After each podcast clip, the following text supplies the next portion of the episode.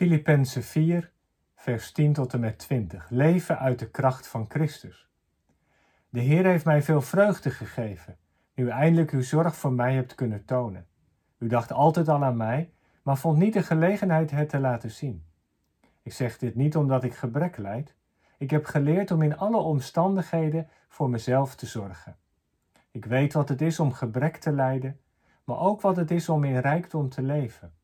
Ik heb alles aan de lijve ondervonden: overvloed en honger, rijkdom en gebrek. Ik ben tegen alles bestand door Hem die mij kracht geeft. Toch hebt u er goed aan gedaan in mijn moeilijkheden te delen. U weet zelf, Filippenzen, dat toen ik na mijn vertrek uit Macedonië met de verkondiging begon, uw gemeente de enige is geweest die gedeeld heeft in mijn tegoeden en tekorten. Al in Thessalonica hebt u mij meer dan eens iets gestuurd om mijn tekorten aan te vullen. Niet dat het mij om uw gave te doen is, ik ben er juist op uit dat het te goed op uw rekening oploopt. Nu is alles mij vergoed en heb ik zelfs veel meer ontvangen. Mij ontbreekt niets, dankzij de gave die Epaphroditus namens u heeft gebracht. U zijn een geurig en aangenaam offer dat God behaagt. Mijn God zal uit de overvloed van zijn majesteit elk tekort van u aanvullen, door Christus Jezus. Aan onze God en Vader komt de eer toe in alle eeuwigheid. Amen. In dit laatste gedeelte van hoofdstuk 4 wordt Paulus opeens heel concreet. Hij gaat het hebben over de gaven die hij van de gemeente van Filippi heeft ontvangen. Hij is dankbaar dat men aan hem heeft gedacht.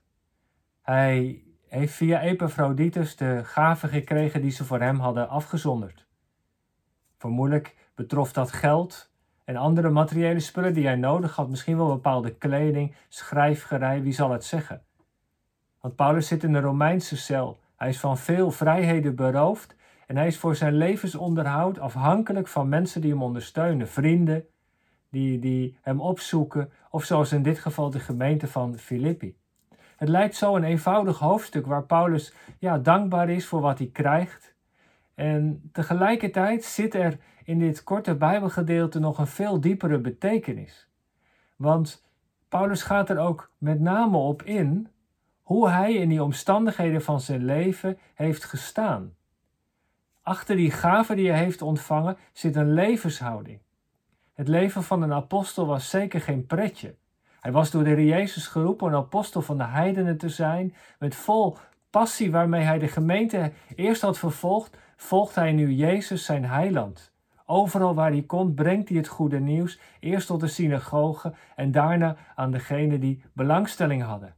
Maar dat was niet gemakkelijk, want ging hij naar een bepaalde plek toe, werd daar de deur gesloten, was er een oproer en moest hij uit de stad wijken? Ging hij ergens heen? Dan was er weliswaar soms een bereidwillig oor, maar tegelijkertijd waren er ook mensen die in opstand kwamen, die ja, kritiek hadden op zijn boodschap, met name uit de Jood, Joodse bevolking. Die vonden dat hij te weinig deed met de wet, dat hij dat maar terzijde stelde en dat ze hem ook niet goed konden plaatsen.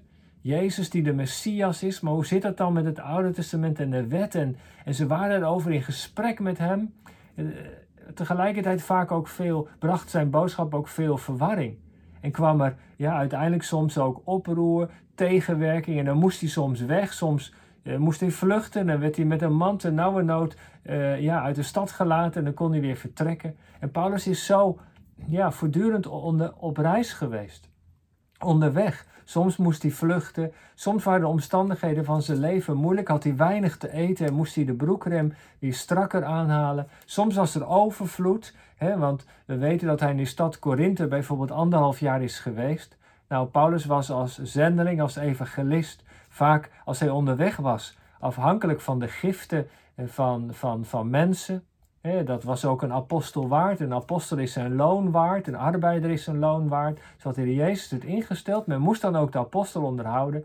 Maar als hij ergens langer verbleef, in de school van Tyrannus bijvoorbeeld, die onderwijs gaf in de stad Korinthe, zelfs anderhalf jaar, dan pakte hij zijn oude ambacht weer op. Want Paulus was een tentenmaker. Dan, dan maakte hij tenten, dan verkocht hij die tenten en, en kon hij in zijn levensonderhoud voorzien. Dus het leven van de apostel is vaak geen pretje en iets daarvan in dit Bijbelgedeelte ligt ook op. Waar de omstandigheden dat het geweldig moeilijk was, eh, waar de omstandigheden dat ik overvloed, maar in al die omstandigheden heb ik het vol kunnen houden. Ik ben, en dan zegt hij in vers 11, eh, eh, dan, verwijst hij naar het feit dat de mensen van Filippi hem graag hadden wilden ondersteunen, maar dat er niet altijd de gelegenheid voor was. Soms was het slecht weer, een storm. Epaphroditus had vaker willen komen, moest hij de boot pakken, niet altijd kon dat. Eh, maar nu uiteindelijk dan wel, vond hij de gelegenheid. En dan zegt hij van, je moet niet denken dat ik nou super alleen maar gefocust ben op dat geld wat jullie mij zenden. Ik zeg dit niet omdat ik gebrek leid. Ik heb geleerd om in alle omstandigheden voor mezelf te zorgen. In herziene statenvertaling staat: uh, Ik heb geleerd tevreden te zijn in de omstandigheden waarin ik verkeer. En nu is dat woordje tevreden eigenlijk niet zo'n goede vertaling. Uh, het Griekse woord autarkeia, dat is een woordje om te onthouden. Autarkeia betekent self-sufficient zijn, zelf redzaam zijn, dat je je eigen broek kon ophouden. En Paulus gebruikte een afgeleid woord hiervan, autarkes. Ehm, dat betekent dus zelfvoorzienend, zelfredzaam.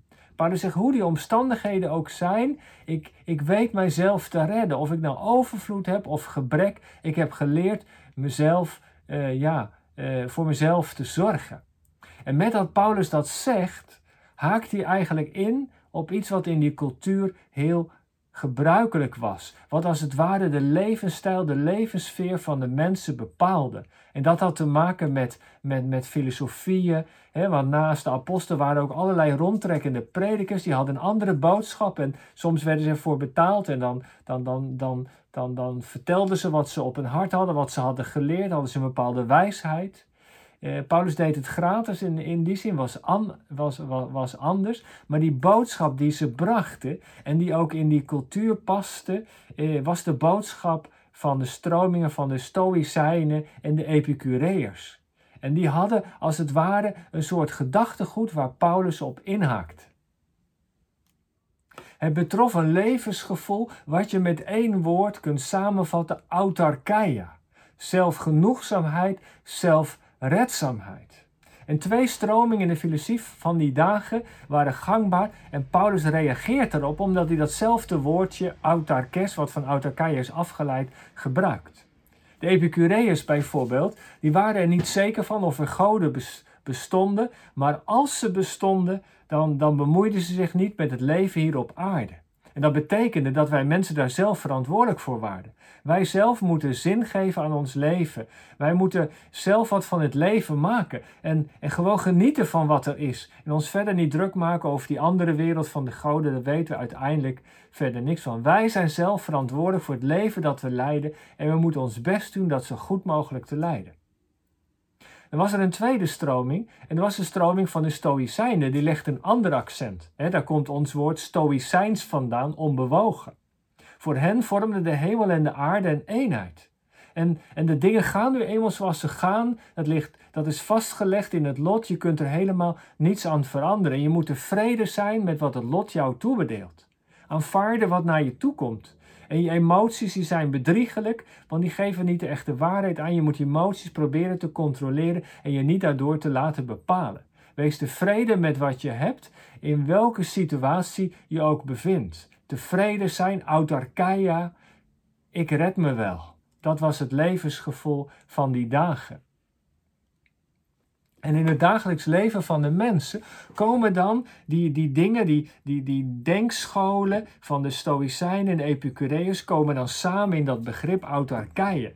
Wees tevreden met wat je hebt, Stoïcijnen, en maak er zelf maar het beste van, Epicureërs. En dat levensgevoel, ja, dat doet natuurlijk wel wat met je. Als dat op de marktpleinen, als dat het onderlinge gesprek beheerst, vroeg of laat gaat zich dat in je hoofd zetten, in je hart. En eigenlijk is dat nog, nog steeds zo. wat er in de cultuur speelt, wat je nou maar in het journaal hoort, wat je op de kranten leest, dat bepaalt op een of andere manier ook hoe je denkt, hoe je in het leven staat. Het beïnvloedt niet alleen je hoofd en je hart, maar ook je geloof. Want als iedereen zegt dat je maar zelfredzaam moet zijn en zelf wat van het leven moet maken, dan is er natuurlijk niet veel ruimte voor de Heere God. om je relatie met Hem te kunnen ontwikkelen, dat, ja, dat betekent overgave. Dat betekent dat je aan Hem vraagt, Heere, wat wilt u dat ik doe? Dat betekent afhankelijkheid. Bereid zijn om naar Hem te luisteren. Zelfredzaamheid schuurt daarmee. Want geloof heeft te maken met overgave, alles uit handen geven, de controle van je leven loslaten en God het, ja, de koers van je leven laten bepalen. En dat botst met wat in de cultuur gaande is. En Paulus is met, met die denkstroming, eh, met dat levensgevoel dus in gesprek. Hij zegt, ik weet wat autarkia bent. Ik ben ook autarkes, ik ben tevreden. Ik heb geleerd zelfredzaam te zijn. Maar tegelijk, hè, dat is dus eigenlijk een missionaire strategie. Paulus gebruikt een concept wat in die cultuur speelt en wat voor de mensen belangrijk was en waar, waar ze van dachten van ja, maar zo zit het leven ook wel in elkaar. We zijn zelf verantwoordelijk voor wat, voor wat we doen. En ehm, ja, als dan Paulus die brief schrijft en ook gaat zeggen autarkes, autarkeia, ik ben ook zelfredzaam, dan hadden ze zoiets van ja, amen Paulus, dat, dat geloof ik ook. Maar dan begint Paulus die zelfredzaamheid anders te definiëren. Hij geeft er een andere invulling aan. Want wat is die zelfredzaamheid waar Paulus het over heeft? Is niet dat hij zelf de koers van zijn leven bepaalt. Is niet dat hij er maar het beste van maakt. Dat hij totaal onafhankelijk is. Dat zijn emoties verder niet, niet een rol spelen. Nee. Kijk, ja, mensen zagen Paulus als een doordouwer. Iemand die in korte tijd heel veel bereikt had. In tien jaar tijd in die brieven heeft hij de wereld veranderd. Heeft een enorme basis gegeven aan het christelijk geloof. De moeilijkheden meegemaakt. Maar, maar als Paulus het heeft over zelfredzaamheid. Ja, dan komt hij bij het geheim uit wat nou echt het geheim is van zijn leven. En dat geheim verwoordt hij in vers 13 uit dit hoofdstuk.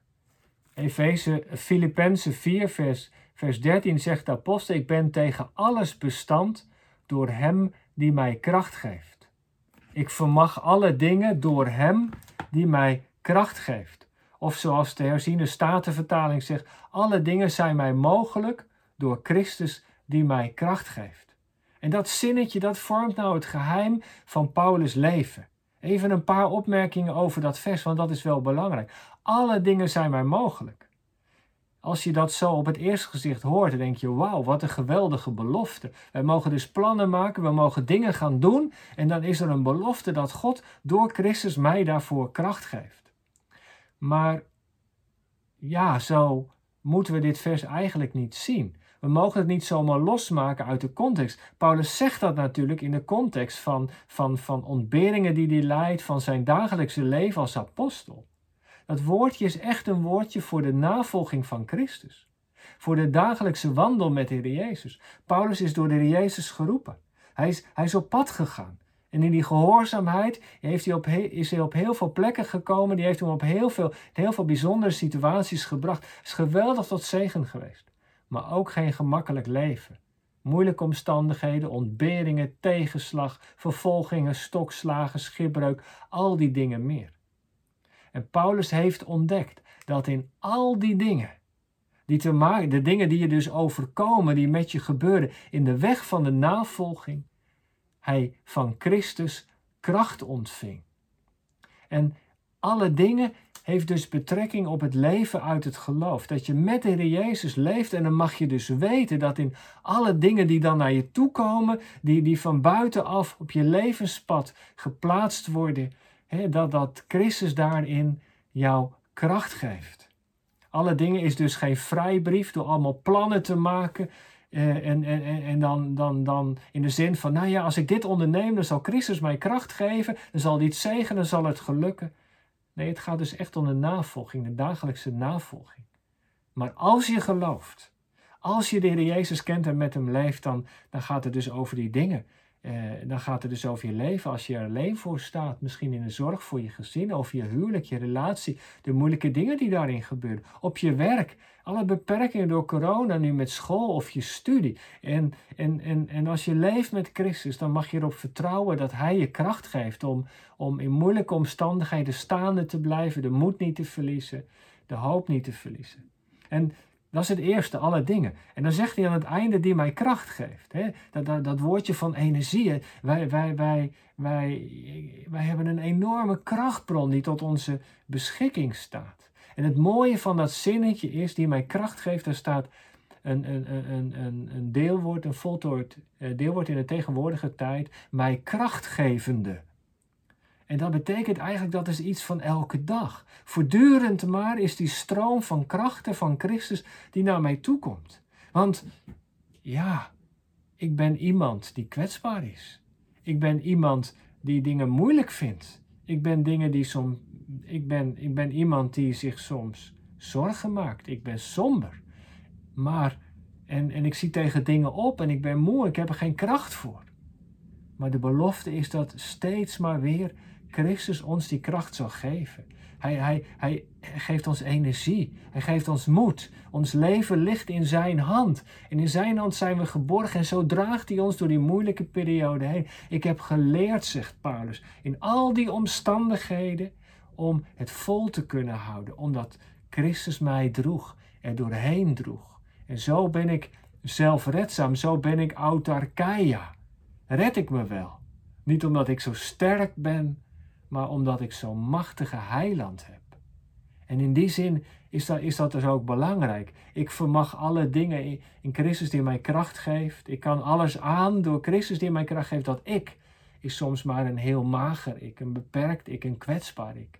Maar in dat zinnetje snelt het zich als het ware vooruit naar Christus.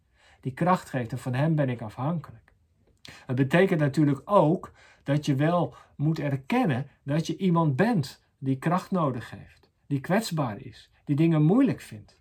En wij houden soms nog wel eens de schone schijn op, ook in de kring van de gemeente. Dan zien we allemaal de voorkant van iemand, de voorgevel van een huis. En dat ziet er spik en span, ziet er prima uit. Maar achter die voorgevel, achter dat vriendelijke gezicht, daar zit soms zoveel eenzaamheid, er zit soms zoveel verdriet dan gaat het soms helemaal niet goed. Hè? Als, je, als je het levensgevoel van onze tijd zou willen typeren, dan is dat zoiets van: joh, maak je geen zorgen, ik red me wel. Ik red me wel. Ik ben mans genoeg om mijn eigen boontjes te doppen. Er is een lied van André Hazes dat zo heet. Ik red me wel heeft net te horen gekregen dat zijn vriendinnen vandoor gegaan is. Hij is zomaar met de Noorderzon vertrokken. Maar, maar hij zegt, ja, ik maak me geen zorgen, ik ben een man. Ik red me wel. Nou, ons levensgevoel is toch vaak heel anders. Natuurlijk zijn er situaties waar we dankbaar zijn en dat het goed gaat. Maar er kunnen zomaar ook dingen gebeuren met je gezondheid, met je relatie, met je baan, met je studie. Dat het opeens heel zwaar is. En dat je denkt, hoe kom ik hier doorheen? En dan is die belofte die Paulus mag verwoorden. Christus, die mij voortdurend steeds maar weer kracht geeft. Daar mag ik een beroep op doen.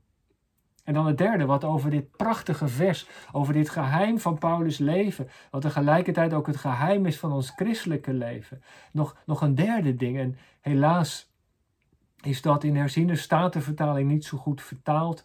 Daar staat, eh, ik, ik kan alle dingen aan door, door Christus die mij kracht geeft. Ehm, in de nieuwe Bijbelvertaling, ik ben tegen alles bestand door Hem die mij kracht heeft, dat verschilt niet zoveel. Beide Bijbelvertalingen zeggen door Hem die mij kracht geeft. Maar dat woordje door, dat, dat is eigenlijk geen goede vertaling. Het is niet zo dat Christus maar de doorgeefluik is en dat het uiteindelijk om die kracht gaat. Als ik maar die kracht heb, dan kan ik doen wat er gedaan moet worden. Als ik die kracht heb, dan houd ik het vol. Dat zegt Paulus niet dat, dat zou veel te instrumenteel zijn om over de Jezus te praten. Letterlijk staat er in het Grieks in Hem. Ik vermag alle dingen in Hem die mij kracht geeft. Heel Paulus' theologie kan je samenvatten met dat zinnetje: de gelovige is in Christus. Johannes 15, de wijnstok en de ranken. De gelovige is zo hecht verbonden met Christus dat zijn leven in ons leven stroomt. Zoals de rank verbonden is met de wijnstok, zo zijn we met Christus verbonden door het geloven zijn in Hem. We zijn dicht met Hem verbonden. En voor de apostel Paulus betekent dat dat waar Hij is, ook Christus is. Want dat had hij in ditzelfde hoofdstuk al in vers 5 gezegd toen het ging over uw vriendelijkheid ze alle mensen bekend. Toen zei de Heer is nabij. Het in Christus zijn betekent dat je verbonden bent met Christus. Dat je als het ware niet alleen loopt door de wereld, maar met z'n tweeën. Christus aan je zij.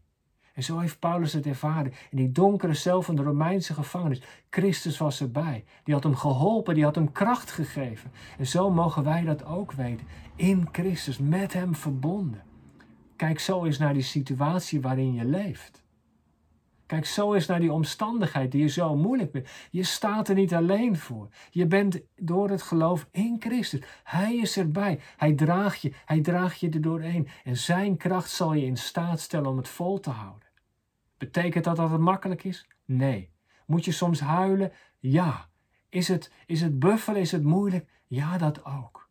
Maar wij staan er niet alleen voor. Ik vermag alle dingen in Christus die mij kracht geeft. Wat is dat toch een geweldige bemoediging. En dan nog even het laatste. Ja, er zit zoveel in het Bijbelgedeelte, er is zoveel te, te vertellen. En Paulus is dankbaar dat hij de, dat hij de gaven, de geschenken van de Filippenzen eh, heeft ontvangen via Epaphroditus. Maar hij laat tegelijkertijd ook merken dat het niet zozeer om die gaven gaat, maar meer om de houding daarachter. Ze hebben aan hem gedacht. Ze hebben naar hem omgezien. En dat verwondert hem nog meer dan de concrete materiële spullen die hij in zijn handen heeft. En ik dacht dat is ook wel iets moois voor de kring van de gemeente. We zijn in de gemeente ook geroepen om naar elkaar om te zien. Zoals de Filippenzen omzagen naar Paulus die alleen was in de gevangenis, zo zijn wij geroepen om naar elkaar om te zien. Om elkaar met gebed te ondersteunen, met meeleven, met een brief, een kaartje, soms ook met een financiële gift. Laten we dat vooral ook doen. dat zo via ons de liefde van Christus een weg vindt naar een broeder of zuster, een jongere die het moeilijk heeft.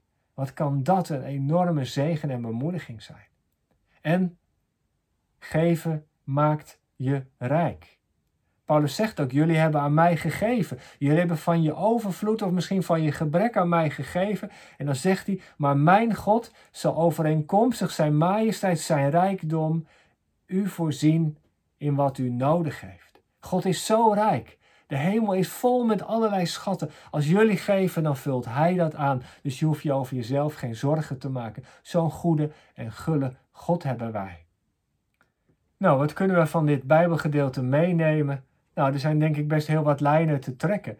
In de eerste plaats zien we dat de gemeente van Filippenzen omziet naar Paulus in de gevangenis. Nou, dat is iets wat wij ook geroepen zijn om te doen. Om, om te zien naar mensen in nood, naar mensen die gevangen zijn, mensen in de kring van de gemeente die het moeilijk hebben. Dat is alleen maar tot zegen. En, en als wij geven, dan zal God het bij ons aanvullen en worden we zelf ook weer gezegend.